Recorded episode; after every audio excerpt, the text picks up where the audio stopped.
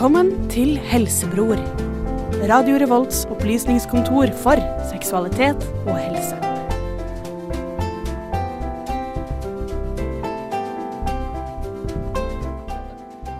Velkommen til Helsebror. I dag er det lørdag. Det er det. Ja, vi har bytta sendetid.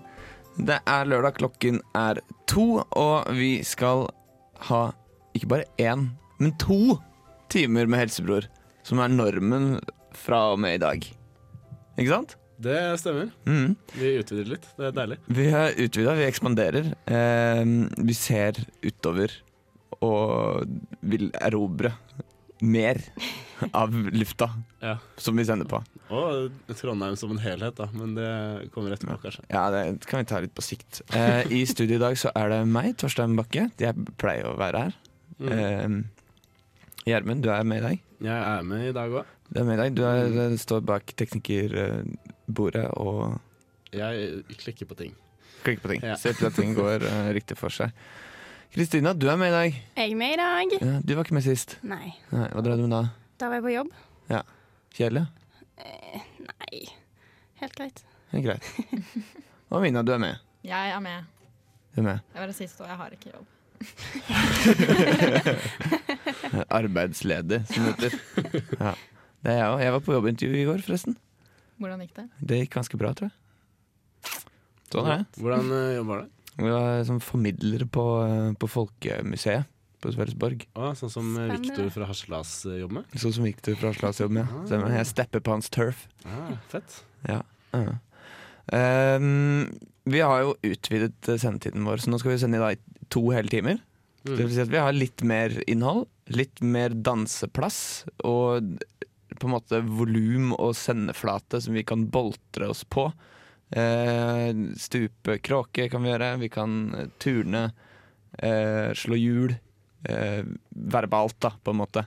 Ja. Eh, og det er noe som vi har tillatt oss selv å få for at vi skal kunne grave litt dypere, på en måte. I våre egne snuskete sinn og fordommer og grumsete tanker rundt helse og seksualitet. Bare go there.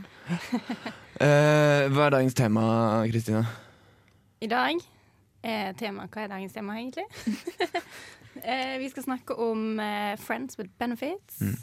Mm. Mm. Altså, Kall det hva du vil. Dynevenner, fuck friends, Pulevenner. pulevenner. Mm. De personene som du ligger med uten å ha et forplikta romantisk forhold til. Ja.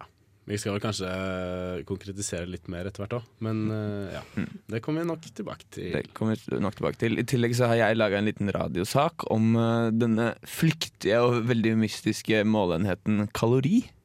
Den skal vi høre på litt senere i sendingen. I tillegg så har du, Kristina, og Preben, som ikke er her, dere har vært og snakka med noen medisinstudenter. Det stemmer. Hva drev de med? De, eh, hadde, de arrangerte noe som de kaller for klamydiadagen på Gløshaugen. Så skal vi få høre litt hva, hva det egentlig betyr. Uh, og alt dette og mer kommer etter låta 'Flying On The Ground' med Tellef Råbe. Du hører på Helseblod på radio Revolt. Mammaen og pappaen deres traff hverandre for første gang. Og det slo gnister. Helsebror på radio Revolt. Det var Tellef Robbe med låta 'Flying On The Ground'.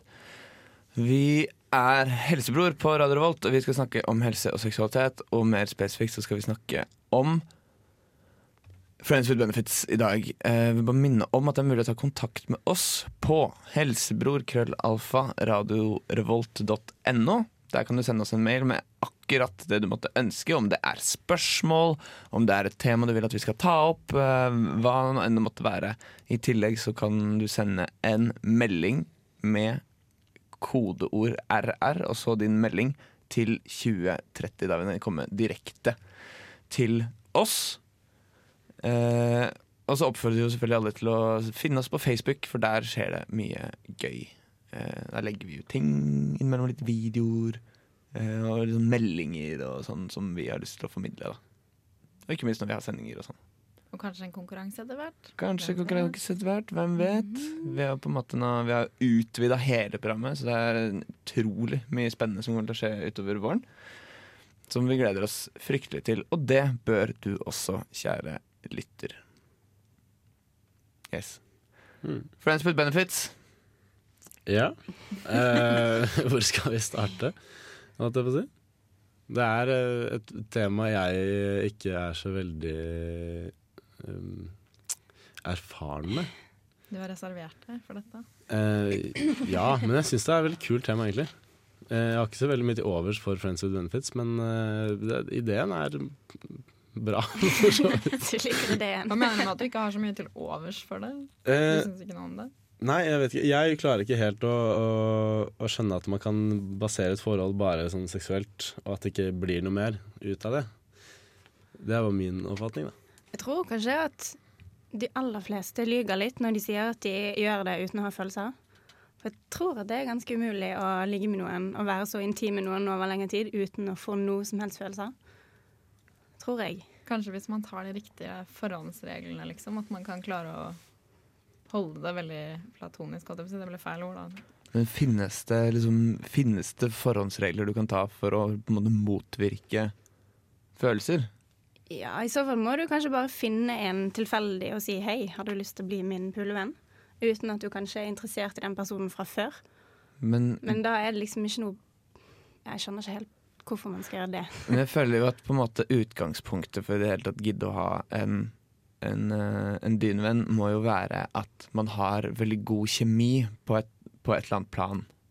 Det er jo uinteressant å ha liksom Fordi hvis man har liksom dårlig kjemi, eller bare en helt tilfeldig person, så føler jeg at da er det jo litt som Da vil jo alle gangene være et slags one night stand, og det er jo ikke det som er poenget. Er det det? Nei, det er det jo ikke.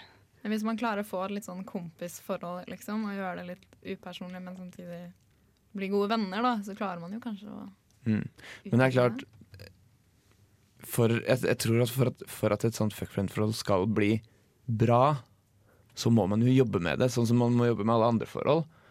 Og gjøre det til et liksom, sterkt vennskap, og, liksom, det, og så er, blir det selvfølgelig veldig intimt. Jeg tror det er liksom vanskelig å på en måte holde det så upersonlig, og samtidig få det du vil ha ut av det. For jo, ofte så vil man jo ha et slags Det blir jo på en måte et slags kjærestesubstitutt òg.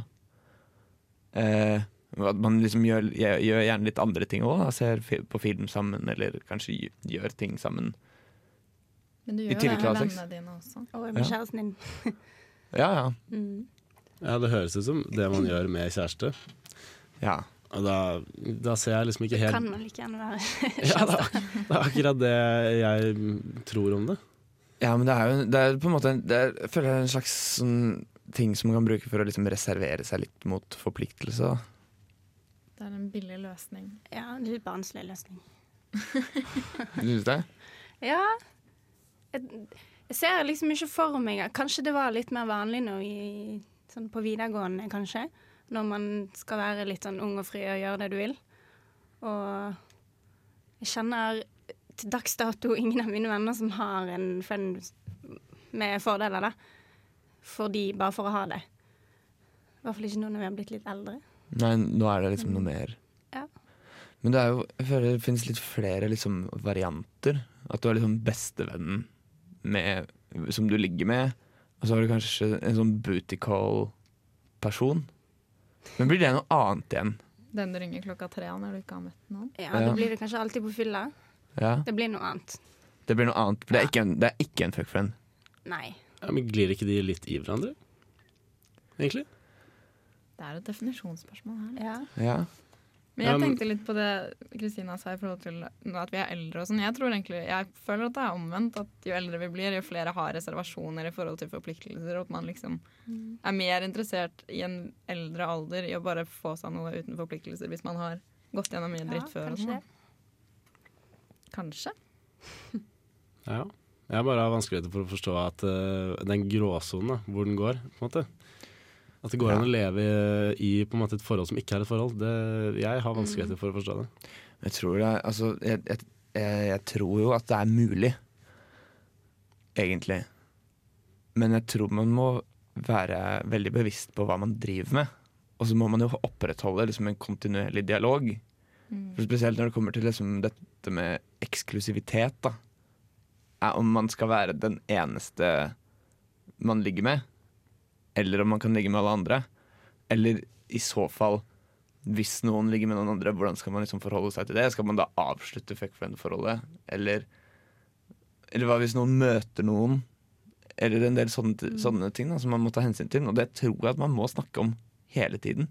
Mm. Som vil gjøre at fuck friend-forholdet kanskje vil fortone seg litt mer eh, for, forpliktende og litt mer arbeidsomt enn det man skulle tro. da. Jeg tenker i hvert fall Hvis man skal være eksklusive, da kan man like så godt bare være kjærester. Altså. Da er, hva er forskjellen da, liksom? Det vil jo være den største forpliktelsen, er jo å være eksklusiv. på en måte. Ja, Det er den jeg også er enig i. Ja, Da må man ikke være eksklusive, da. Nei. Men det fins jo den varianten hvor det er sånn uh, at man er liksom eksklusive, men at man bare At man kan f.eks. ligge med noen andre, bare man sier fra at nei, nå har jeg møtt den her andre personen som jeg har lyst til å ligge med. Går det greit, liksom? Eller, Ja. Bare, ja. Ja, er, men- eller er det ikke en versjon som fins? For det kan du ikke gjøre med kjæresten din. Nei. Helst ikke. Men jeg tror det er der gråsonen ligger. da Og Ja. hvor langt kan man strekke den? Uh, er vel egentlig det som er spørsmålet. Yes. ehm, det skal vi snakke mer om etter Carpe Diem med hvite menn som pusher 50. Ikke glem å sende inn spørsmål til helsebror krøllalfa radiorevolt.no.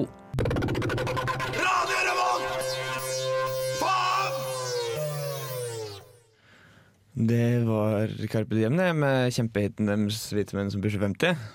Den er ikke første gang vi har spilt, og blir helt sikkert ikke siste. Nei, Nei. er sannsynlig ikke.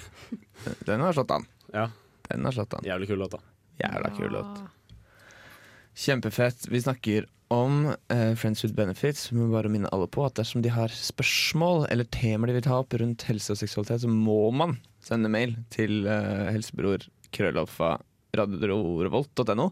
Eller man kan sende en tekstmelding med kodeord RR og så din melding til 2030. Kan de også sende på Facebook? På De- innboks der? Uh, ja, det kan de. Det kan de. Da vi, da, det er faktisk enda kulere. Hvis du til og med liker den Facebook-siden. Vi skal, vi skal ikke drive og pushe på det. Det er jo hyggelig hvis de gjør Det Det er jo en god investering. Det er en investering i din egen helse, egentlig. Og din egen seksualitet. Forresten, det var bare å følge oss på Facebook. Det er ganske sexy. Det er ganske sexy. ass Det, blir, det hender det blir litt sånn sexy stemning på Vi har jo forsidebilde. Det var meg og Gjermund i, i underbuksa. Ja. Og for alle som ikke fikk med seg det, eh, vi gikk jo ned stripa i barbokseren. Mm. Helt nydelig tur, altså. Så det er et, eh, et syn å skue. Ja, sånn i retrospekt så var det en litt klein episode der. Det var jo det. Det var det. Var det. det var mange som ikke helt skjønte hva greia var. Det var jo litt spontant òg. Men det var, Det var veldig gøy, spontant. Det var på en måte bare å gå inn på en do på, på stripa, kle av seg, tusje helsebror på hverandres mager, og så gå ut på campus og prøve å få folk til å høre på radio. Vi hadde jo ikke noen flyers å dele ut heller. Nei, vi hadde ingenting. Sprekt gjort. Så Jeg håper, jeg håper det var en, kanskje én eller to som, som ble gira på å høre på. Ja. Men herregud, det er klart eh, Alle monner drar. Det er sant. Ja, eh, jo, vi snakker jo om Friends with Benefits og alle de eh, ulike sjatteringene og nyansene av uh, pulevenner som fins. Ikke sant? Det gjør vi. Mm. Hvor grensen går, var det vi lurte litt på. da. Ja. Eh, fordi er det sånn at hvis man bare har lyst til å pule, går det greit, på en måte? Blir det, blir det aldri noe mer? Jeg tror det. Ja, du, At det blir noe mer, ja. Ja. Alt har sin Det blir pris. det Ja. ofte. Er, er, det- altså, er det én ting som, liksom, som har sin pris her i verden, så er det jo sex. Ja, ja, Sex altså, kommer aldri gratis. man kan ikke dele det mest intime man har, og ikke være intime, på en måte. Nei, det er eh, liksom du, du, du, Ja, det er noe som skjer der, som gjør at du, Ja. Det vil være noe mer. Mm. Mm. Spesielt hvis man, eller hvis man gjør det liksom flere ganger. Men jeg, fordi jeg er veldig spent på Eller jeg lurer veldig på liksom denne her dynamikken og hvordan alle disse mekanismene selv ved liksom one night stands. For jeg vet, altså, Hva oppstår mellom to mennesker som har sex bare én gang? Det er en spesiell situasjon. Ja, det er litt sånn mystisk. Man kan jo òg gå på en smell og sitte igjen med sånn Åh, nei, usj. Ja, Det var forferdelig. Eller så bare hm, Ja. Det var hyggelig. Det var, hyggelig. Det var bra sex. Det det skjer jo, det òg. Mm. Det, det er jo noen jeg føler at man kan liksom, Noen er veldig sånn De koser og har skikkelig koselig one night stand, men andre er veldig upersonlige og liksom stikker med en gang. Og Ja. hva er best? Hva, hvorfor gjør man Ja, det? hvor, ja, hva, Hvem gjør hva? ja, det, altså, hvordan skal man gjennomføre liksom, et, et riktig one night stand? Hva, hva skal man sitte igjen med etter et one night stand? Kommer litt an på hva man leter etter, da. Hva man er ute etter. Hvis du bare vil ha liksom inn ut ferdig, så får du det sikkert det. Mm. Mens hvis man ønsker litt mer kos og hygge, så får man bare ta det, da. Ja, men hva er liksom hva er, Si at man si Innad i klassemiljøet, for eksempel, da, eller folk som du, som du støter på sånn med, sånn med ujevne mellomrom. Si for eksempel folk du er med i studentorganisasjon med, eller i linjeforening med, eller i klasse med. Og så er man på fylla, og så bestemmer man seg for å ha sex én gang. Hva skjer etter det? Ting blir kleint. Nei, det blir jo bare så kleint som man gjør det til. Mener jeg. Ja, Det Ja. kommer litt an på personene også. Hvordan de forholder seg til det. Ja, jeg er jo en evig fan av å bare si eh, 'skygg det vekk', og så går det vekk. Eh, det er kanskje en litt sånn kynisk måte å se det på, men eh, det er på en måte det eneste man kan gjøre. Hvis man ikke velger å være klar over det. Eller man er på en måte klar over det, men man velger ikke å ta det helt innover seg og velger liksom OK, dette her det skjedde en gang, det skjer ikke noe mer. Da er det mye lettere å forholde seg til. Mm. Men blir det borte? Det her er jo bare å stenge noen følelser inne. Det, det er jo bare, jeg, jeg føler at Det er det samme som å følelser. Ja, men, nei, men det er jo noe. Jeg, jeg føler at idet du sier at ja, men bare skyv det vekk, bare ikke tenk på det, så liksom impliserer det at det er et eller annet som har oppstått. da Det er jo en grunn til at man hooker opp, liksom. Det er jo noe der. Det er jo bare en seksuell drift inni seg som bare må få utløp for litt. Ja. Jeg føler veldig ofte at når folk hooker sånn innad i et miljø, da, så har det gjerne bygget seg litt opp over tid. At man liksom har fått mer og mer lyst til å hooke opp med den personen. Da kan det jo bli litt sånn mer interessant. Da kan det bli litt kinkig. Ja, det kan jo. Men det kan jo være helt tilfeldig. Torstein, du sa jo en gang at uh, i fylla så er jo kåthet uh, Det kan oppleves som forelskelse. Ja, Det er veldig godt sagt i situasjoner som det vi snakker om nå. takk. Eh, ja, men at kåtskap kan minne veldig om forelskelse, når man, spesielt hvis man er litt full. Mm. Det er jo sant. Mm. Eh, men altså Hvis vi tar utgangspunkt i det, da. At både, på, eller både med en person du aldri har møtt før, eller med en som du kjenner litt, eller med en venn, eh, eller type fuck friend, så er det jo Det oppstår jo en kåtskap. Og den kåtskapen minner veldig om forelskelse. I hvert fall i liksom de, det øyeblikket for eksempel, man er i ferd med å ha sex. da Så hvordan henter man seg liksom inn igjen fra det? Hvordan skal den forelskelsen graves ned og undertrykkes, sånn som Gjermund sier? Ja, Men er det så bra at den undertrykkes, egentlig? Jeg, er Nei, jeg mente bare sånn i, i etterpåklokskapens ånd at man da bør trykke det ned. Men der og da Der da er det jo lov til å bare gå for det, Fordi da ligger det noe der. Det ligger noe ulmer. Og da er det Ja. bedre å nøste opp i det, for å så skyve det bort og si OK, da er vi ferdig med det. Man må jo bare kødde litt med det. så- Ja. Det kommer jo litt an på hvordan forholdet ditt er til personen. Ja. Ja. Dette kan vi Vi skal grave enda dypere for å se Det er så spennende fordi eh, på en måte under låtene og sånn, sånn som når vi skal- spille en låt nå, så kommer jo alt, alle de erfaringene og tankene fram som vi i studio ikke har lyst til å si på lufta. kommer jo nå under låta. Eh, så skal vi se om vi ikke vi kan få gravd opp noe gammel dritt derfra som vi kan ta opp i, neste stikk.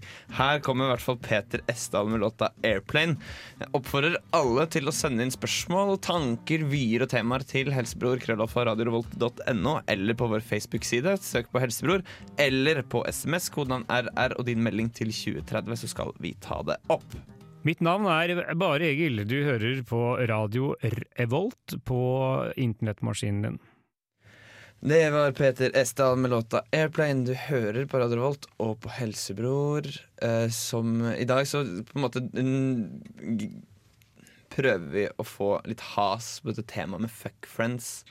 Og på en måte eh, Egentlig hva, hvordan kombinere sex og vennskap blir jo det blir overordna temaet. Det evige spørsmålet. Ja. Og I og med at vi har utvida sendetiden vår til, til, til to timer, så er vi jo da nødt til å, å også utvide begrepene. Så vi har snakket litt om one night stands. Og det med liksom tilfeldig sex med venner og bekjente. Og eh, ja. Men dette med Ok, la oss si tilfeldig sex med venner og bekjente. Eller folk in, i din omgangskrets. Hvor lenge kan du holde på med før det har gått for langt? Hvor mange venner i din omgangskrets kan du ligge med før det har gått for langt? Oi. Det Jeg vet ikke.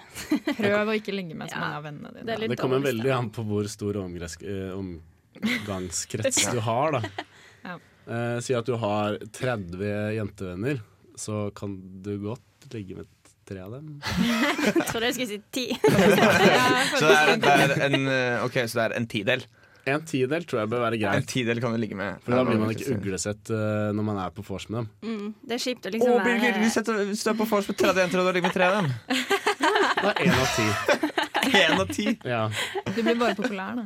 Alle de ettertraktet. Ok, si, Så nå er jeg litt usikker på Si at det er eh, kanskje et sted mellom Si at det er 40 eh, jenter totalt i Radio Revolt. Hvor mange i Radio Revolt har, kan du ligge med da, Gjermund?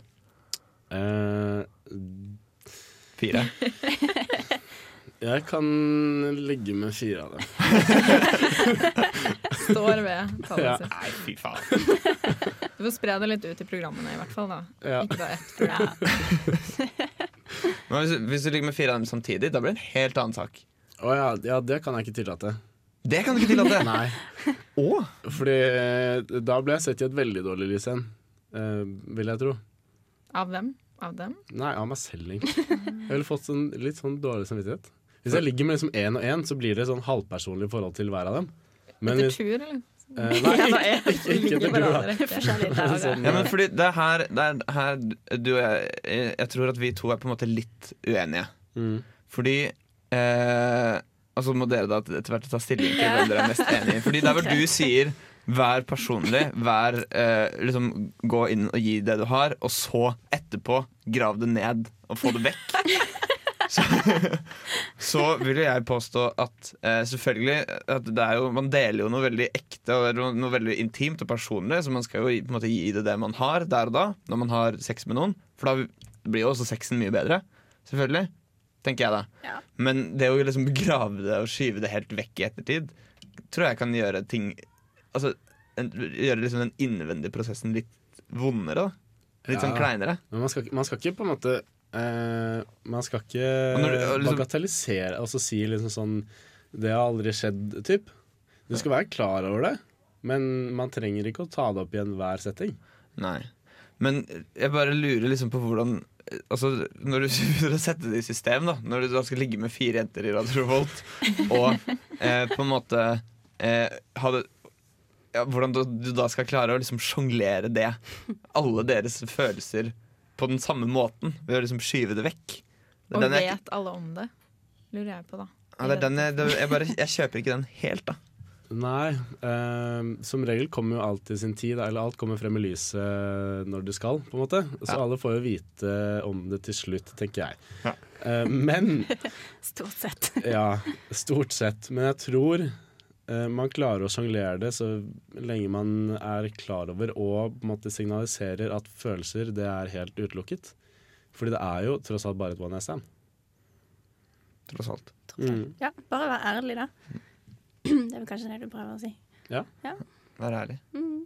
Men altså, da er det også viktig å være Fordi det er mye liksom, knytta til det med one night stands at folk er forventa å være veldig cool med det.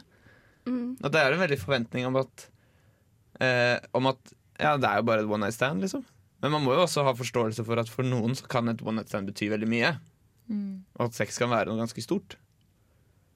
Så man, men det er jo på en måte ansvaret Eller altså, hvem sitt ansvar er det å si Er det du som må si til ditt one night stand Går det bra at dette her er bare et one night stand? Er det noe, eller kommer det til å bli noe kluss her? Det hørtes ut som en skikkelig klein samtale. Ja, Ja, utrolig ja, jo unødvendig å ta det liksom der og der. Da. Det er heller bedre å bare snakke om det da hvis det, hvis det blir et problem i ettertid. Jeg vil jo tro at de fleste skjønner at et one night stand er et one night stand. Ja. At du, jeg tror Hvis jeg ble med en kar hjem, og han kom til meg og sånn Du, forresten, du vet at dette bare er sex, ikke sant? Jeg vil ikke Da hadde jeg blitt dritprovosert. Ja. Men på den annen side så er det jo bare det du er ute etter. Men du bare vil kanskje ikke høre det. For du vil Nei, at det skal være litt mer spesielt der Ja, da. altså Hvis en forteller deg at vi skal bare ha sex, vi skal ikke bli kjærester eller noe, så blir jeg sånn Jeg er klar over det. Da Du føler jeg meg veldig inn, liksom. Ja, ikke sant? Ja. ja, men den skjønner jeg jo. Ja. Ehm, ja. Men følger dette her eh, på en måte Når det kommer til hvordan mennesker liksom handler sammen, så er det noe som heter the principle of least interest. Altså prinsippet om minst interesse. Som er det at hvis eh, jeg har skikkelig behov for noe, som Gjermund har, så er det på en måte Altså det er mitt problem. da fordi altså, Gjermund har, som han enten kan gi til meg eller beholde sjøl, og det er litt det samme for Gjermund, så har jeg mest interesse, og Gjermund har minst interesse, og da er det Gjermund som sitter på makta. ikke sant? Sånn at Da må jeg på en måte være ydmyk og prøve å innynde meg hos Gjermund for at jeg skal få den tingen som jeg har behov for. Men er, jeg føler at i et, si, i et eh, fuckfriend-forhold, da, når én kanskje begynner å oppleve noe litt mer følelser, f.eks. Hvem sitt ansvar er det da å på en måte ta det opp og gjøre noe med det, og eventuelt få det gjort? Er det da den, som, den andre fuckfrienden som må prøve å ta hintene og, sånn, og si sånn «Ah, Jeg merker at du begynner å kanskje bli litt for sånn og sånn, kanskje vi skal roe det litt ned? Eller er det ansvaret til den som har mest interesse, den som har begynt å få følelser, å si fra at du, nå begynner jeg å bli litt forelska? Jeg tenker at hvis man er fuckfriends, så har man på en måte inngått en viss ikke avtale, men en forståelse. Og da er det på en måte ditt ansvar hvis du føler at du begynner å gå utover det dere ble enige om. Da. Ja, enig. Ja. Da må du nesten bare si fra. Mm. Slutt å ligge med den personen hvis du blir ulykkelig av det. Det er sant. Det er et godt råd. Flere gode råd kommer etter Å, dette er en låt fra den nye plata til Kanye West. Masse styr og bråk rundt den plata, men nå er den i hvert fall kommet. Låta heter Famous, og den kommer her i Helsebror på Radio Revolt. Du hører på Helsebror med Torstein, Gjermund, Mina, Kristina og Preben. Swag. Du hører på Radio Revolt med ny norsk musikk. Fuck. Yes, Du hører på Helsebror.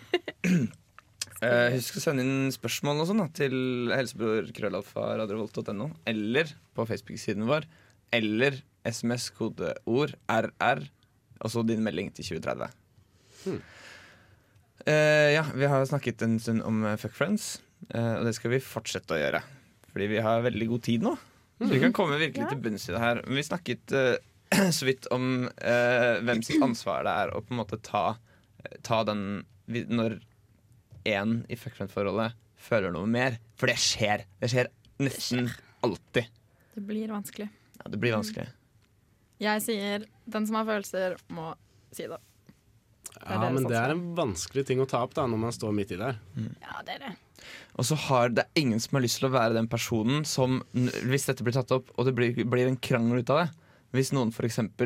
gjør noe eh, Si at en av dem ligger med noen andre, da, som i utgangspunktet skal være greit i et fuck friend-forhold, men så er det en som blir såra. Men så kan man jo si Ja, men det her var jo en del av dealen. Dette, Ja. var jo, dette er jo en del av fuck friend-kontrakten, på en måte. Ja, sånn, Hvorfor fucker du opp noe bra? Ja, og liksom Ja, hvorfor skal hvorfor, Vi var jo enige om at, vi, om at vi ligger sammen fordi det er deilig, og så kan vi ligge med noen andre. Men så er det én da som, som får følelser, og så kan jo da den andre bli sånn ja, hvorfor, hvorfor, eh, altså, hvorfor sa du ikke noe? Eller hvorfor kommer du først nå etter at jeg ligger med noen andre? Og jeg såret såra, liksom. Da burde du ikke gjort det i første omgang. Men det er ta et spørsmål, da, for det er jo ofte når noe sånt skjer, at du skjønner at du har følelser. da. Det er sant. Det er, Det er litt dårlig gjort å kjefte på noen fordi at de har fått følelser for deg. da. Ja, Men sånn, hvorfor? ja, Seriøst, skjerp deg. men det her er jo et veldig Dette er et velkjent problem i fuckfriend-forhold, og i egentlig alle forhold, at selv om man har blitt enige om noe, når det kommer til liksom denne her typen eh, liksom, eh, relasjoner, da, spesielt når det kommer til sex, og, og liksom følelser og romantiske følelser og sånn. Så man kan jo bli så enig man bare vil, og inngå kanskje til og med skriftlige kontrakter. Men det går jo ikke an å krangle med den som er mest såra. For da ender du opp som drittsekken uansett. Det er jo du som er en asshole eller en hjerteløs megge når du står og kjefter på den som har fått følelser og er lei seg. Ja. Det er jo bare det er en konsekvens man må ta da, hvis du inngår et, eh, et vennskap med fordeler med noen, så må du være forberedt på at enten du eller den andre muligens kommer til å få føle, følelser for deg. Fordi ja, man deler jo noe veldig intimt. Du setter hjertet ditt på spill. Mm. Du gjør det. Men man vet det, liksom. Du tenker at ja, jeg tar konsekvensene senere, og så bare har jeg det gøy nå. Ja, men det er dumt å gjøre. Det er veldig dumt å gjøre, men Ja. det er gøy der og da, da. Det er veldig gøy Ja. der og da. Man tenker kanskje at det, det er bedre å ligge med den personen enn å være alene. Ja. Kanskje. Ja. Trist. Men når det først skjærer seg, da, hva, har vi noe råd til hvem og hvordan man skal ta det opp? For jeg tror det er veldig tungt for den som har følelser, å ta det opp. Ja. Uh, Så er det også det er litt kjipt å være den som innrømmer at du har fått følelser, for det, det er liksom litt nederlag. Det er sånn, Nå ja, du man har på en måte tapt. Ja, du du er den litt. som ikke fikk det til. hvis du tror at den andre ikke føler det samme. Men tenk da hvis den personen sier 'jeg har følelser for deg' òg. Ja, for det er jo det som er, eh, det er det som er den store twisten her, som jeg tror også ofte skjer. Mm. At det, at det viser seg at begge to har fått litt følelser. For som nevnt tidligere, det skal mye til å på en måte ehm, Ja. Være så intime og gjøre såpass mye sammen at det ikke oppstår noe Mm. som i hvert fall kan minne om liksom, ekte følelser. Moderne romantikk, altså. Ja. Er ikke, den er ikke bare uproblematisk, må vite. Det er litt fucka. Men der, der kommer jo liksom en enda For, sånn, for å liksom illustrere litt hvor komplekst det her kan bli. Da. For da kommer jo da en helt ny dimensjon. Fordi, som, som vi har sagt opptil flere ganger, kåtskap kan minne om forelskelse. Og kåtskap kan også liksom, det er, kan inspirere mye sånn sjalusi og sånn. Og sjalusi og misunnelse og litt sånn følelsesmessig grådighet er ting som ikke nødvendigvis er kjærlighet og forelskelse, men som kan ligne veldig. Det kan godt hende at man har en fuckfriend som man blir fryktelig sjalu på, uten at man er på en måte ordentlig forelska. Eller at man elsker den personen. Og det kan jo gå begge veier. Så det kan jo, man kan jo se for seg et scenario der ved et fuckfriendskap ender med at noen sier at de har følelser, og den andre eh, innser Eller på en måte misforstår sin egen sjalusi og liksom den, de tingene som kommer med kåtskap liksom forveksler det også med følelser. Så da kan det ende opp med at to mennesker som er fuckfriends, går inn i et forhold, et ordentlig kjæresteforhold, basert på bare kåtskap. Da får de bare feste det ut da, prøve å se og feile eventuelt. Ja. Det er jo det som vil skje, da. Ja, men er det en dårlig inngang, det, da? På et forhold? Og feire? Nei, nei, og, og liksom gå inn med sånn ren kåskapsdel. Og man har jo Altså, Si at man bare har sex, da, men man har jo ikke bare sex. Man ser gjerne film også, og liksom er venner. Altså Har man sex og ser film, så er det egentlig gjort. Da har man Ja. alt man trenger. det er det Ja. man sier. Det er det forholdet, det er drømmeforholdet. Ja, der har vi det. Se på film og ha sex. Netflix and chill. Netflix and chill. ja, men det, altså, fordi ja, ja, det er jo et, en, en, et annet spørsmål. Altså, kan man bygge et forhold på kåtskap alene? Det kan jo være det funker bra for noen. Jeg er sikker på at mange har prøvd. Ja, Ja. jeg tror nok det fungerer en stund. Men uh, hvor lenge det fungerer, det tror jeg ikke helt uh, funker. Litt fordi man ikke er vant til å, å prate sammen på den måten. Fordi man på en måte har bare hatt sexen der, og det blir som en unnskyldning for å ikke prate om det. Mm. Eh, og når man da kommer i en litt sånn kinkig situasjon der man faktisk må ta det opp, da tror jeg det kan begynne å slå litt, litt feil. Så tenker jeg også at et forhold med mye lidenskap vil også få mye negativ lidenskap. på en måte At det blir sterke følelser av sjalusi og territoriesyke og sånn. Hvis du er veldig, det er veldig hett, da, så blir det hett på mange andre punkter også. Mm. Ja. Ja, men det, synes jeg, det er en god analyse. Ja. Den er jeg med på. Fint Den kjøper jeg veldig. At, eh, at, eh, liksom, eh, at lidenskap går liksom begge veier. Da. Ja. Det er vanskelig å være liksom kjempelidenskapelig på de gode tingene, og så ta de kjipe tingene med liksom knusende ro. Ja, ja, men hvis det faktisk er en interesse der, så jobber man jo for å få det til å fungere. Ja. Selv om det er disse negative opplevelsene, så vil man jo, hvis man til syvende og sist er keen på det, så vil man jo på en måte fighte gjennom det. Vil jo få det til å funke. Ja, fordi det, er, det går jo igjen på et veldig interessant spørsmål. Hva er det som liksom, Hvis man ser bort ifra liksom forelskelse og ekte kjærlighet og veldig sånne store, vanskelige, svevende ord, hva, hvordan bygger man liksom det beste forholdet? Det tror jeg ingen vet. Nei, Nei? ikke spør meg. Fordi eh, jeg husker at eh, jeg var på, på interrail i fjor sommer med en god kompis. Eh, og han hadde en kjæreste. Eh, det skar seg riktignok. Uh, jeg skal ikke si for mye om hvem de var, eller noe sånt. Men eh, jeg husker vi snakket veldig mye om, eh, om hans forhold. Og spesielt om dette å liksom finne seg en ny en. Eller hvis man er liksom litt hung up på noen, hvordan man skal gå videre. Eller spesielt, Og det gjelder jo veldig dette med liksom folk som flyr fram og tilbake til ekskjæresten sin og sånn. At Du kan jo si hva du vil om liksom ekte kjærlighet og tiltrekning og sånne ting. Det er veldig lite som kan erstatte det å ha lagt ned veldig veldig mange timer med noen. Eller den jobben man har gjort, f.eks. i et trøblete forhold. Ja. Det blir jo, jo mer tid man bruker og samtaler, holdt jeg på å si, så blir man jo, altså, jo mer komfortabel du blir, da, jo lettere blir det å falle tilbake også. Ja, men det trenger ikke nødvendigvis gå på Selvfølgelig komfort. At ting er veldig lettvint. Ja. Og at man kjenner hverandre og kjenner hverandres vaner og hvordan man oppfører seg og sånn, er jo én ting. En annen ting er liksom bare den derre OK, vi sier at man har gått gjennom et trøblete forhold. Det har vært mange ting som har liksom måttet bli tatt opp. Eh, mange krangler, kanskje. Diskusjoner og sånn. Eh, og hvis man likevel føler at man har fått det til litt, så hvis man føler at det var litt verdt det, så er det vanskelig å se, liksom, se bort ifra altså når du, Hvis du da er på leting etter noen andre, så er det veldig få som kan erstatte akkurat liksom, alt det arbeidet man la ned. Da. Dypt. Ja, men det, ja, det er ganske dypt. Men jeg tror mange kjenner på det, i hvert fall som har vært i litt mer eh, slitsomme forhold. Da, som, har, som har blitt veldig personlige. Hm. Verdt å tenke på. Eh, vi skal høre låta 'Lexington Hotel' med bandet Snøskred. Norsk band. De, den er ganske kul, syns jeg. Den liker jeg veldig godt. Det tror jeg er omvendt. Ja, låta heter Lex Lexington eh, Hotel. Bandet heter Snøskred. faen, det gjør det. Ja, dette, dette er jeg sikker på. Dere hører på Helsebror Praderholt. Send inn spørsmål til helsebrorkrøllalfa.radiorevolt.no. Og tungespissen treffer evighetens port.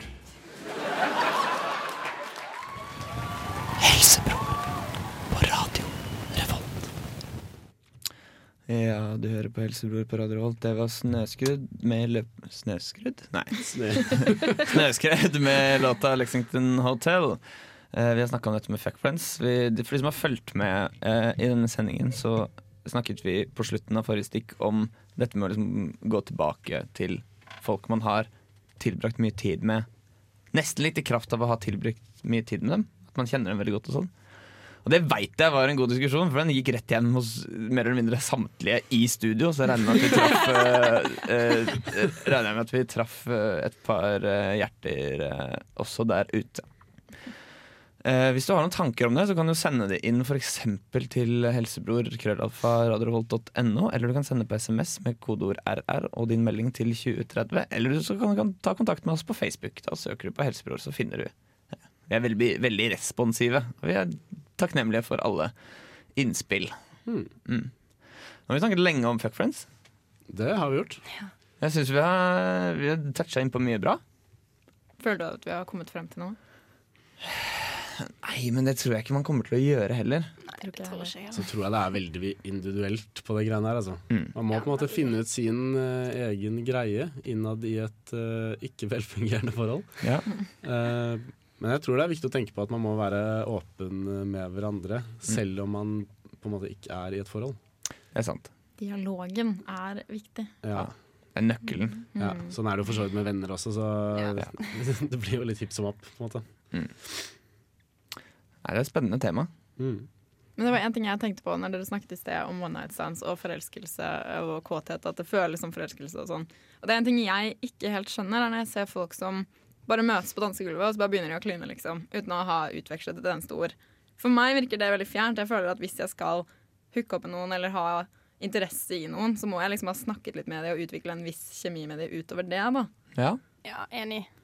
Jeg blir litt fascinert av det. Eh, Ja, det er en veldig rar ting å bare bli tiltrukket av hverandre midt på dansegulvet uten at du aldri har sett dem før, og så ja. Jeg har veld, jeg har veldig lite erfaring med akkurat det. Ja. Ja, jeg tror det uh, kan være med Si at eh, en danser helt sjukt kult eller noe, og du tenker sånn Fy faen, det der er en jævlig bra dame. og så eh, har du på en måte ikke noe forhold til henne. Du har aldri pratet med henne eller noe. Ja. Men man liker hennes vesen. Hun signaliserer noe. Hun utstråler noe som er tiltrekkende. Ja, kroppsspråk, vet du. Så 70 av kommunikasjon. Ja. Men det er klart, det kan jo øh, nå jeg Det var vel Shakira som sa 'my hips don't lie', men det kan jo Men det kan du gjøre. Det kan du, Noen med helt vanvittig smooth kroppsspråk kan jo vise seg å være fryktelig kjedelig, men det kan også vise seg å være fryktelig interessant. Mm. Mm. Jeg tror det er det som ligger mye til grunn i det. Ja. Eh, uten at jeg skal uttale meg som en ekspert på det. Ja, Og så hender det jo også når man er litt uh, ute på en snurr, at uh, på en måte At det hele stemningen, at det hele hoper seg opp og blir en utrolig stor indre energi som må få utløp, og da er ikke det Da er det kanskje ikke plutselig Da er kanskje ikke så viktig. Kanskje det bare blir en del av kvelden. Kanskje litt, bare litt klining bare er litt sånn Ja, det er bare litt klining. Men da må man også føle seg litt frem med vedkommende, da. For da jeg var i året nå i helgen, og det var så mange gutter som tar og bare haler i deg og drar i deg. Jeg sier ikke at dette er en Åre-ting, men eh, jeg opplevde det i hvert fall der, da. Ja. Ikke bare jeg, nå hørtes jeg litt innbilsk ut, men, men eh, at de liksom bare tar tak i deg. Og jeg tenker at hvis du må eh, holde meg fast eller ta tak i meg, så er det antageligvis ikke oss som er meningen heller.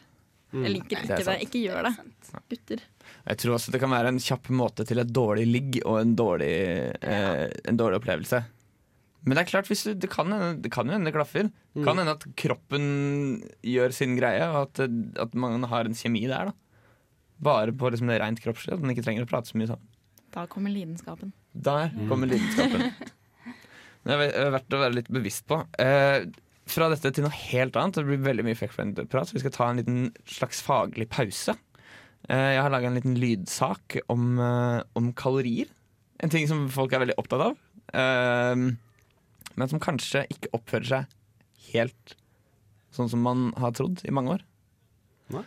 Vi skal høre på den saken nå straks, men før det så skal vi høre en låt av Mats Wawa. Den heter 'Worries' her i Helsebror på Radio Revolt. Husk å sende inn spørsmål og ringene til helsebror, krøllalfa, radiorevolt.no. Og du lytter til radio Revolt. Kalorier inn minus kalorier ut. Er summen negativ, går du ned i vekt. Er den positiv, går du opp i vekt. Så enkelt er det. Så greit. Eller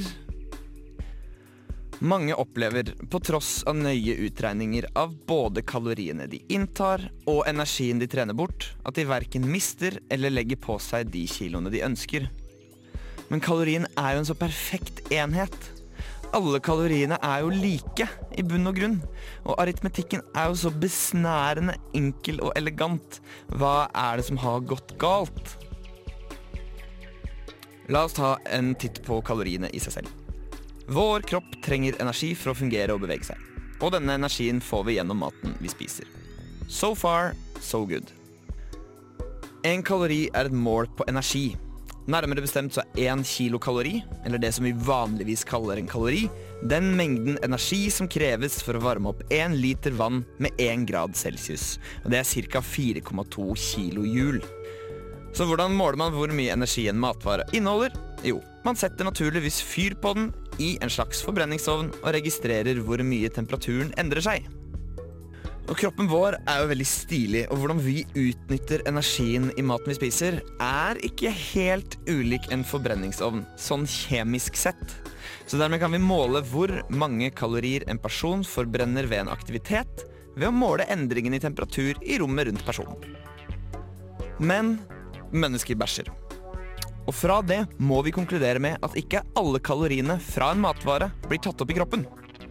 Wilbur Atwater tok hensyn til dette da han lagde sin Atwater-tabell på slutten av 1800-tallet. En tabell over tusenvis av matvarer og deres effektive kaloriinnhold per mengde. Hvordan gjorde han det? Jo, han brant mat. Han ga tilsvarende mengde mat til frivillige prøvekaniner, og så brant han bæsjen deres etterpå. Kalorier i maten minus kalorier i bæsjen, og vips, Atwater-verdiene.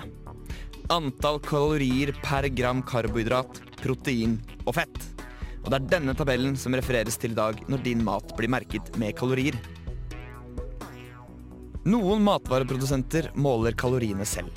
Andre refererer til Atwater-tabellen, mens andre igjen bruker nye tall, som tar hensyn til ting som f.eks. fiberinnhold, fordi fiber ikke blir tatt opp i kroppen. Faktorene her er veldig mange, men totalt sett så kan antall kalorier i én porsjon spagetti avvike fra tallet på pakken med over 5% Mange bekker små gjør en stor å. Slike feil baller på seg og kan bety forskjellen mellom small og extra large. Bare for ikke å snakke om størrelsen på porsjonene vi spiser. Hvordan kan du vite at hen som lagde maten din, ikke slang på en ekstra halv desiliter med saus eller noen pommes frites for mye? Vi har bare så vidt begynt å kartlegge individuelle forskjeller i både ekstrahering og forbrenning av energi. For ikke å snakke om forskjellene i matvarene i seg selv. De aller fleste ville bare ta opp to tredjedeler av kaloriene på pakken dersom de spiser mandler, takket være komplekse cellevegger inni mandelen som holder energien innelukket. Vi mennesker er late dyr, og selv fordøyelsen vår har vi outsourca. De aller fleste mennesker varmer maten sin.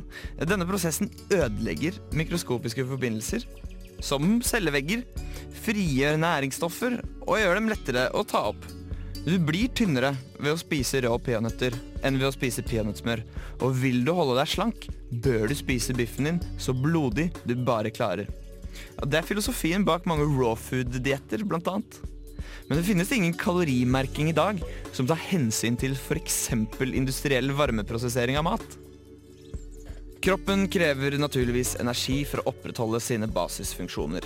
Men hvor mye som kreves for hver enkelt person, avhenger av en mengde faktorer, og kan variere mellom to personer med lik vekt, kjønn og alder med opptil 600 kalorier om dagen.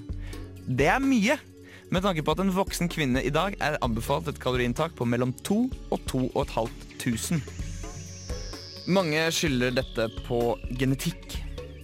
Men ok, for det første så er forskjellen på antall forbrente kalorier mellom en person med lav forbrenning og en med høy forbrenning på om lag 200 kalorier dagen. For det andre så er fokuset i, forskningsmiljøene i ferd med å rettes ikke mot DNA-et, men til bakteriene og mikrobene som lever i tarmsystemet vårt. Flere eksperimenter viser nå at endring i bakteriefloraen i magen kan bety en verden av forskjell. Medisiner som har vist seg å føre til vektøkning, kan stimulere noen typer bakterier fremfor andre.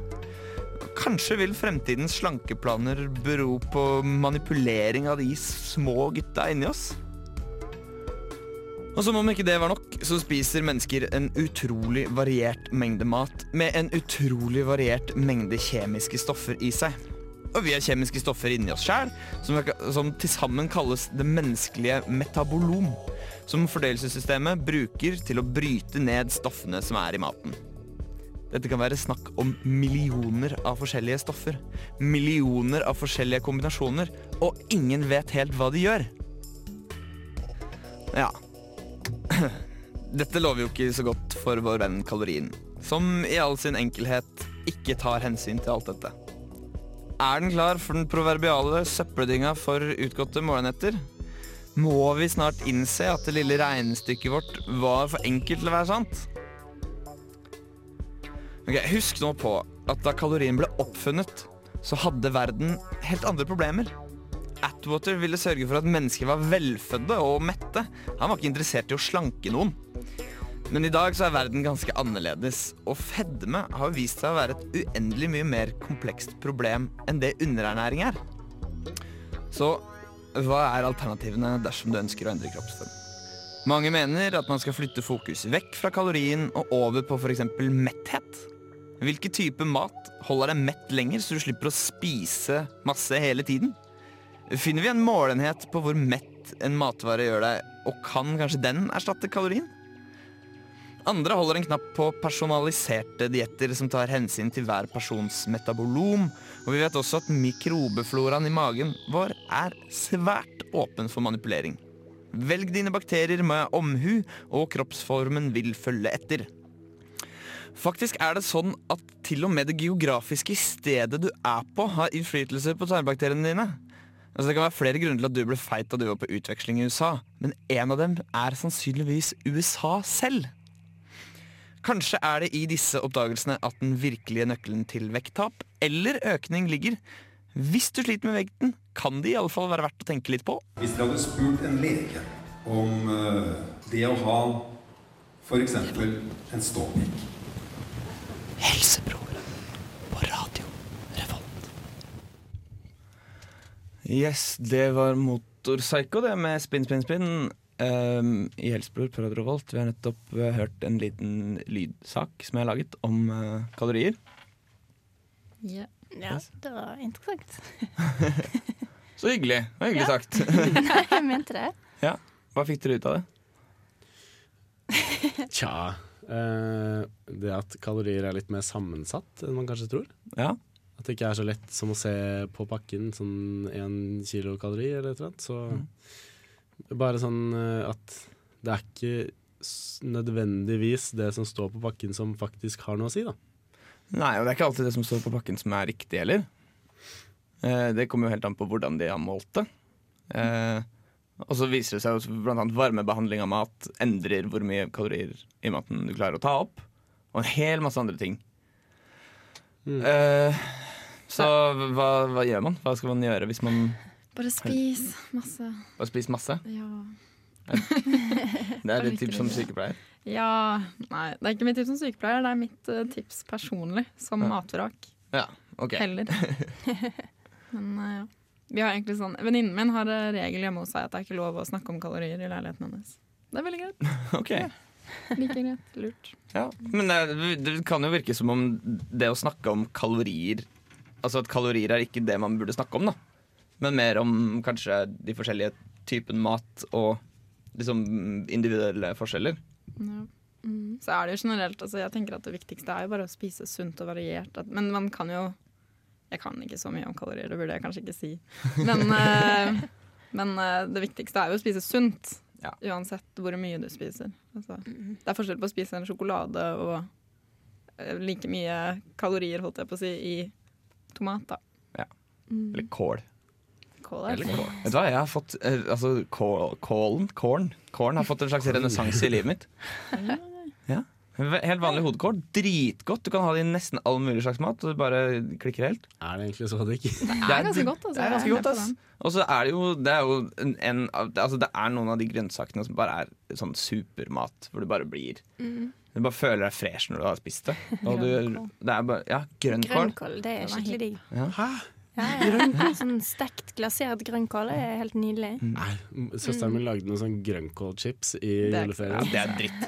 Grønnkålchips er dritt. Og det, altså, når det kommer til å liksom skulle spise sunt hvem er det du prøver å lure? Det er, lo- det er greit å spørre seg sjæl om. Lager du sånn grønnkålchips? Lager du sånn brød laget av peanøttsmør? Eller liksom sånne derre proteinshake-pannekaker og sånn? Det går ikke. Du kan ikke spise sjokolade og pannekaker og liksom masse sirup og masse dritt hvis du skal holde deg veldig sunn. Men i forhold til kalorier og sånn, så tenkte jeg på Det var jo en kar i avisen som snakket om at han hadde spist bare Fjordland. Ja. For da visste han nøyaktig hvor mange kalorier han spiste, og da gikk han masse ned i vekt. Ja. Det er ikke så dumt. Ja, men Fjordland, men Fjordland er, har jo mange liksom, varierte retter med, liksom, med tilbehør og Men jeg tror det blir litt deprimerende i lengden. Altså. Det er litt fint, da. Det er dyrt, da. Jeg tror egentlig det er ganske digg. jeg. Eh, man slipper å lage Altså Man slipper å Lage alt. Men du smaker det, liksom. Det mangler den der lille kjærligheten fra å hver hjemmelager. Jeg tipper Fjordland Tror du de har mer enn 14 forskjellige middager i sitt sortiment? Ja. Ja, det må de Det ha. Så det vil si at du kan spise Fjordland hver dag i to uker og ikke spise den samme retten to ganger. Ja. Altså, de har jo tre forskjellige typer grøt, eh, så de må på en måte ha, de må ha noe sortiment. Jeg spiste Fjordland rømmegrøt i går. Apropos. Men det kan jo være en idé for si, studenter og folk som bare ikke gidder å lage mat, å bare teste ut. Teste ut to uker på Fjordland og se, se hvordan det går. Eller så kan man spise bare poteter, sånn som Rakel gjør i postkokk. Ja, Rakel, Rakel i Postkokk har testa ut en diett hvor hun bare spiser poteter. Men så ble hun syk, så hun måtte avbryte eksperimentet. Men tror jeg kanskje hun har begynt igjen. Ja. Det er kanskje ikke en sammenheng der, men Nei, Nei det tror jeg ikke. Det skal visst nok òg. Hvis du spiser poteter og søtpoteter, så er det, er det visst alle næringsstoffene du trenger. da mm. Ja. Og ikke minst er det kjempespennende kulinarisk. Super boring. Bare spise poteter. Men en annen ting som, eh, en annen ting som, har fått, som jeg har gitt rett og slett innpass inn i kjøkkenet mitt uh, igjen. Jeg har begynt å lage litt mer sånn tradisj norsk mat. Litt sånn Kjøttkaker og poteter og sånn. Husmannskost. Ja, Husmannskost. det Eh, er jo digg. det er dritdigg. Mhm. Eh, og så er det jo ganske sunt. Du får i deg alt du trenger. Rødkål også. Ja. Så det koster sånn sju kroner pakka, så har du rødkål i en uke. Og så er det ganske godt. Mhm. Smaker det litt jul. det er den kebabkålen, er det ikke? Nei. Men han mener som det er som surkål, på en måte. Bare, Ja. ja. Sånn som du har til ribbe og pinnekjøtt. Ja. Bare at den er rød. Nei, nå ble jeg jævlig sulten. Det er, lov å, det er lov å se litt tilbake i tid når man er og handler også, når man skal lage seg middag. Man trenger ikke å lage liksom Taco Nei. hver dag. Ja. Jeg har så lyst til å lage kålruletter når du snakker om kål. Det er Ja. godt, det. Det er mye jobb, det. Kålstuing er også godt. Det er også veldig godt. Eh, jeg lagde her om dagen til meg og min kjæreste Så lagde jeg eh, street tacos.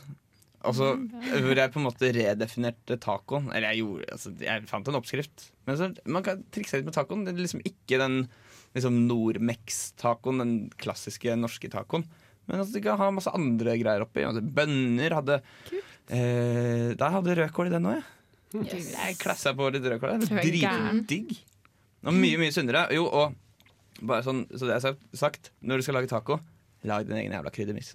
Ja. det har jeg så lyst til. Jeg gjør det aldri. Det er kjempelett. Det er cayennepepper og salt og spisskummen. Ja. Og så bare er det, smaker det taco, og så er det ikke Fordi de som du kjøper de ferdigpakkene, er det ofte veldig mye sukker i. Og mye salt. Og mye, mye salt. Så det er lov å eh, Det er lov å teste ut litt i den der, altså. Eh, eksperimentere litt med veien. Du kan jo søke litt for eksempel etter oppskrifter og sånn mens vi hører på Fjordheim Baby med låta 'Tryllefløyten'. Høre på Helsebro på Radio Revolt. Hvis du har spørsmål eller ting du vil at vi skal ta opp, send en mail da, til helsebrorkrøllalfa.radiorevolt.no. Yo, vi er Oslo S. Du hører på Radio Revolt. Yeah. Yes, da er vi tilbake. I Helsebud på Radio var ikke helt forberedt på at vi skulle på det. Fordi vi kjørte to låter etter hverandre, men det går bra. Ordna det? Ja. Ja, ja. Ehm, jo, det var jo noe som skjedde nå sist eh, på tirsdag, var det vel? Ja. Da vi var innom. Tirsdag? Ja, ja vi var uh, jeg og deg, Kristina, og ikke minst Preben, som er Preben? Preben er ikke her i dag. Nei. Nei, Men vi var på klamydiadagen på Gløshaugen. -hmm. Det er da en eh, gruppe veldig engasjerte medisinstudenter som kaller seg for Medisinstudentenes eh, seksualopplysning. Et MSO. MSO. Et kjempeinitiativ, og noen som vi sannsynligvis kommer til å snakke med en del eh, framover. Så vi skal prøve å få med i studio og sånn. Eh, de holdt denne klamydiadagen, og da gikk det rett og slett an å gå på stripa på sentralbygget på eh, NTNU campus Gløshaugen og tisse i en kopp på do der. Gi den til noen søte eh, medisinstudenter, og så får man svar om man har eh, klamydia eller ikke. Etter en stund. Mm, ja. Utrolig bra initiativ. Det var veldig spennende å høre hva de hadde å si. Mm. Preben fikk snakket litt med dem. Og... Mm. Mm. Det er Ja. ingenting som å dra med vennene sine og teste over Nei. klamydia. Nei, det er så hyggelig. Er, det er mye bedre å gjøre det sammen med andre. Hvis man sitter her alene, så føler man seg litt sånn skitten. Men hvis man sitter her med andre, da går det helt greit. Ja. Ja. Hmm. Men det, det er jo litt sånn eh, Da får du i hvert fall vist til folk at du har fått pult, da. Ja. Det, det det er jo litt eh, stas over òg. Det er sånn ekvivalenten til å kjøpe kondomer på ungdomsskolen. Bare med litt mer skam, kanskje. Eh, ja, ikke sant. Nei, men eh, vi skal ikke holde folk på pinnebenken så altfor mye lenger rundt akkurat det, så vi kan bare kjøre i gang med intervjuet. Én, to, tre, go, Gjermund! Hallo, dere. Hvem er dere? Jo, hei. Eh, Jeg heter Åshild Solvin, og jeg er nestleder i NSO Trondheim. Jeg heter Silje Nyttberg, og jeg var med å starte opp Klamydia-dagen når jeg satt i styret hjemme. Dere er jo med i en organisasjon. Hva for organisasjon er det dere Hva gjør dere? Vi heter MSO, og det står for Medisinernes seksualopplysning. Så vår eh, hovedaktivitet går ut på å drive seksualopplysning til eh, ungdomsskoler, videregående, den typen ting. Men i tillegg til det så har vi også en del andre aktiviteter, som f.eks. Klamydia-dagen, som vi arrangerer to ganger i året. Og så har vi litt seminarer og sånne ting. Ok. For det er jo klamydia vi skal snakke om her nå. Så da kommer det selvfølgelig vanlige spørsmålet hva er klamydia og mykoplasma? Nei, det er um, to seksuelt overførbare infeksjoner som er forårsaket av eh, bakterier. Er det flere variasjoner eller typer av det her? Du kan si det er to bakterier som lager den samme sykdommen eh, eh, hos mennesker. Da. Og da kan det sette seg i urinrøret eller i vagina, og det kan sette seg høyere opp. At den kan sette seg i eggstokker, og av og til hos menn også helt ut i testiklene. Hva er, hva er det som er så viktig med å få teste seg for ja, både klamydia og mykoplasma? Nei, eh, for det første så er det jo infeksjoner som ofte ikke gir symptomer. Um, og da er det jo viktig å teste seg rett og slett for å vite at man har det. For hvis man går med det lenge, så kan man eh, bli infertil. Jeg vil si at man kan få problemer med å få barn. Ok, Er det noe som er mest utbredt for menn eller for kvinner, det med å være, å bli steril da? Eller infertil? Det er mest utbredt for kvinner. Men det er også mulig for menn å bli det. Ja, det høres jo ikke så bra ut. Eh, Det er mange som benytter seg av det her tilbudet som dere da gir nå. Jo, i dag så har vi vel hatt en, eh, ja, kanskje rundt 110 noe sånt nå, som har vært og testet seg til nå. Um, men så har vi tre timer til hvor vi står her, så vi håper at det blir flere. Så det vi gjør i dag, det er jo å tilby testing for både klamydia og mykoplasma, og faktisk også gonoré, her på campus Gløshaugen. Sånn at man kan gå forbi oss og bare stikke innom og levere en test, og så får man vite om man eh, er frisk eller ikke. Du nevnte gonoré. Hva er det for noe? Det er en annen bakterie som også gir den samme sykdommen. Ok, Man kan bli infertil og eh, Ja, man kan bli infertil, og den kan eh, sette seg i de samme stedene. da. symptomer, da? Eh, de har de samme symptomene hvis de gir symptomer, men felles for alle er at de i stor grad ikke gir noen plager. Så du vet faktisk ikke om du har dem eller ikke. Slike ting kan være skummelt. Eh, Så hvordan tester man seg for det her? Mm, For menn så er det en eh, urinprøve. For kvinner så er det en urinprøve pluss en vaginalpensel. Det er rett og slett bare en slags type Det ser litt ut som en q-tip som man fører opp i vagina og rusher rundt et par ganger. Den er ikke smertefull. Den er veldig enkel å ta, og man får gjøre den selv på toalettene. Hva for behandling får man hvis man får et, la oss si, et positivt svar? da? Da får man en antibiotikakur, og den er helt gratis.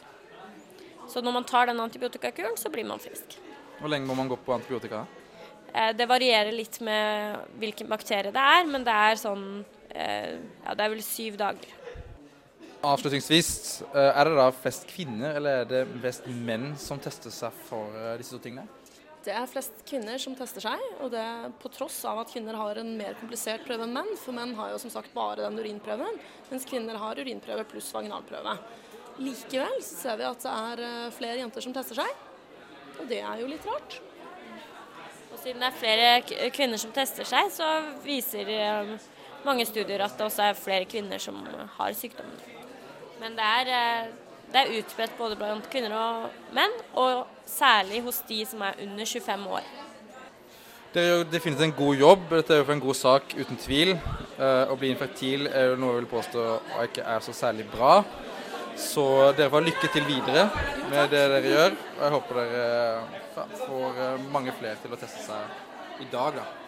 Og lykke til ja, videre på andre skoler og andre prosjekter dere har.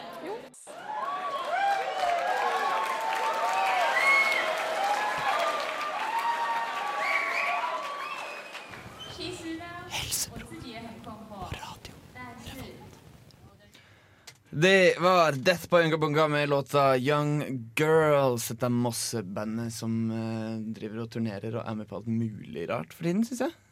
Syns det er overalt, det. Ja. Kjempekult. De er kule. Uh, og før det så hørte vi uh, det intervjuet som Preben gjorde på tirsdag med medisinstudentenes seksualopplysning, som holdt klamydia-dag på Gløshaugen. Mm. Det var nice.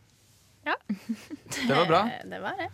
Preben, Preben fikk teste seg, Preben fikk testa seg. så Alle krysser fingrene for Mm, ham. Krysser fingrene for at han er krysser frisk. fingrene. Ja. La oss håpe det at Preben At han ikke må sykemeldes fra programmet. På grunn av klamydia. av klamydia.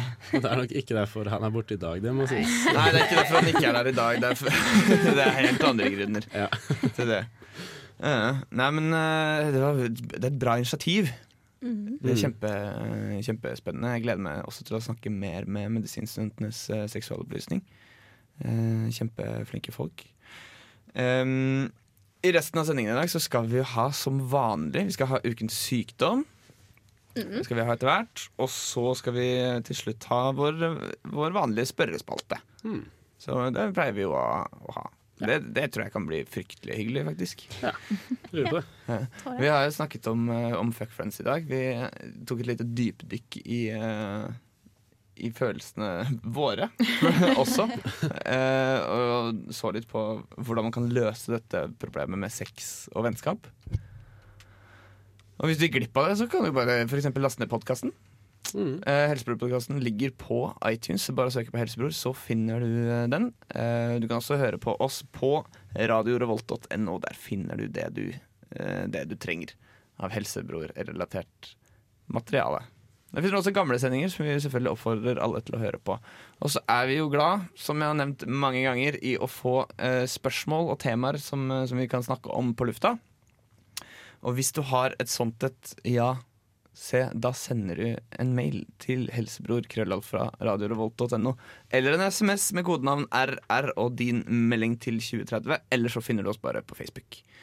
Eh, så skal nok det ordne seg helt fint, uansett hva du har å stri med. Vi kan jo nevne Det er jo ingen av oss som er helt ordentlige leger.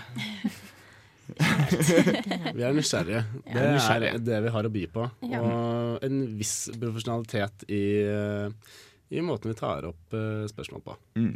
Hmm.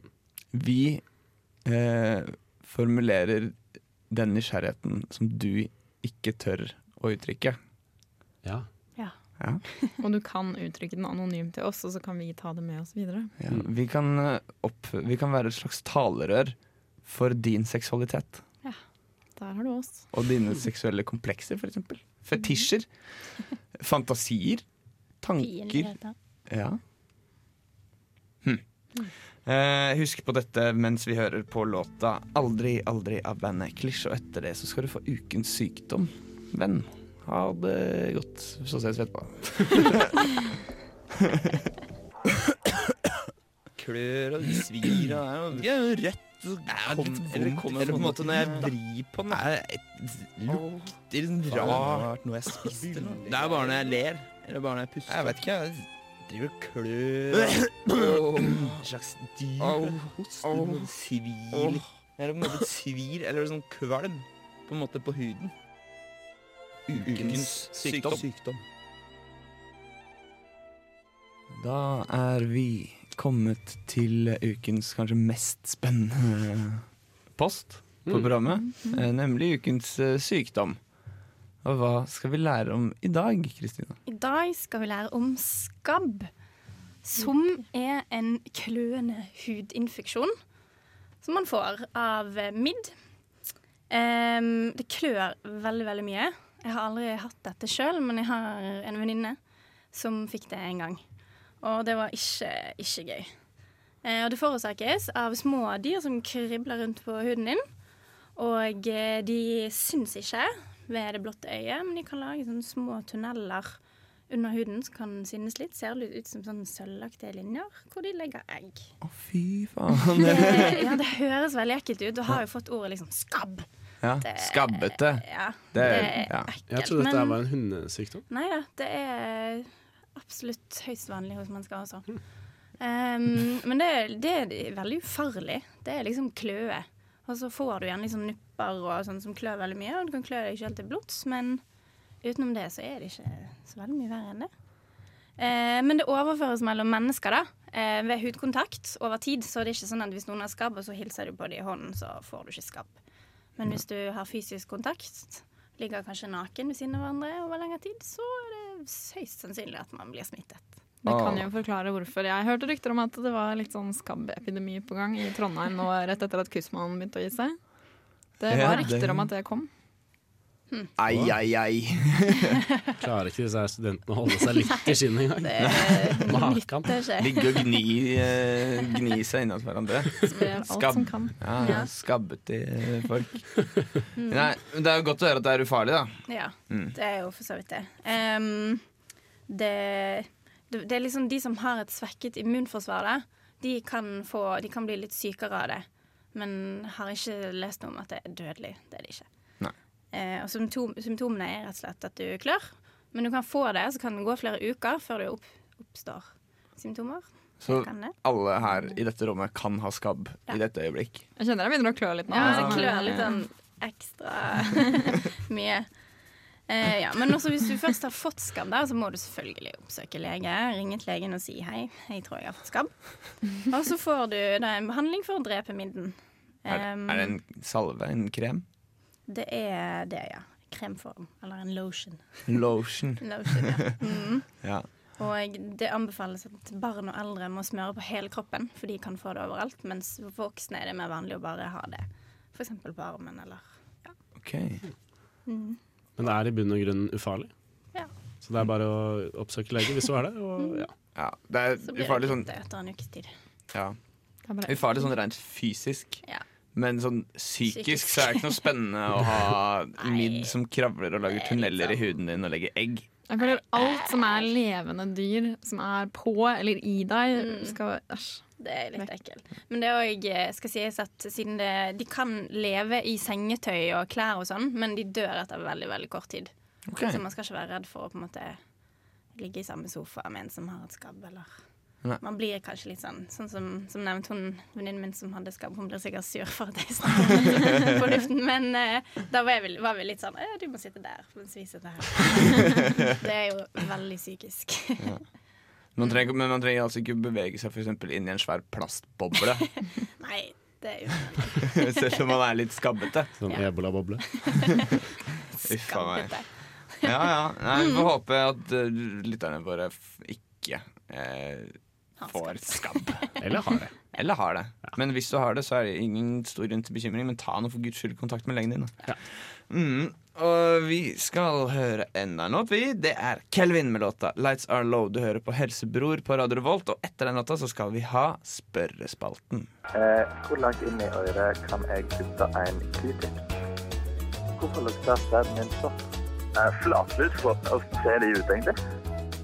For lukter mye lysere bedre enn andre ting. Eh, hvorfor er den ene foten min lenger enn den andre? Helsebrors spørrespalte.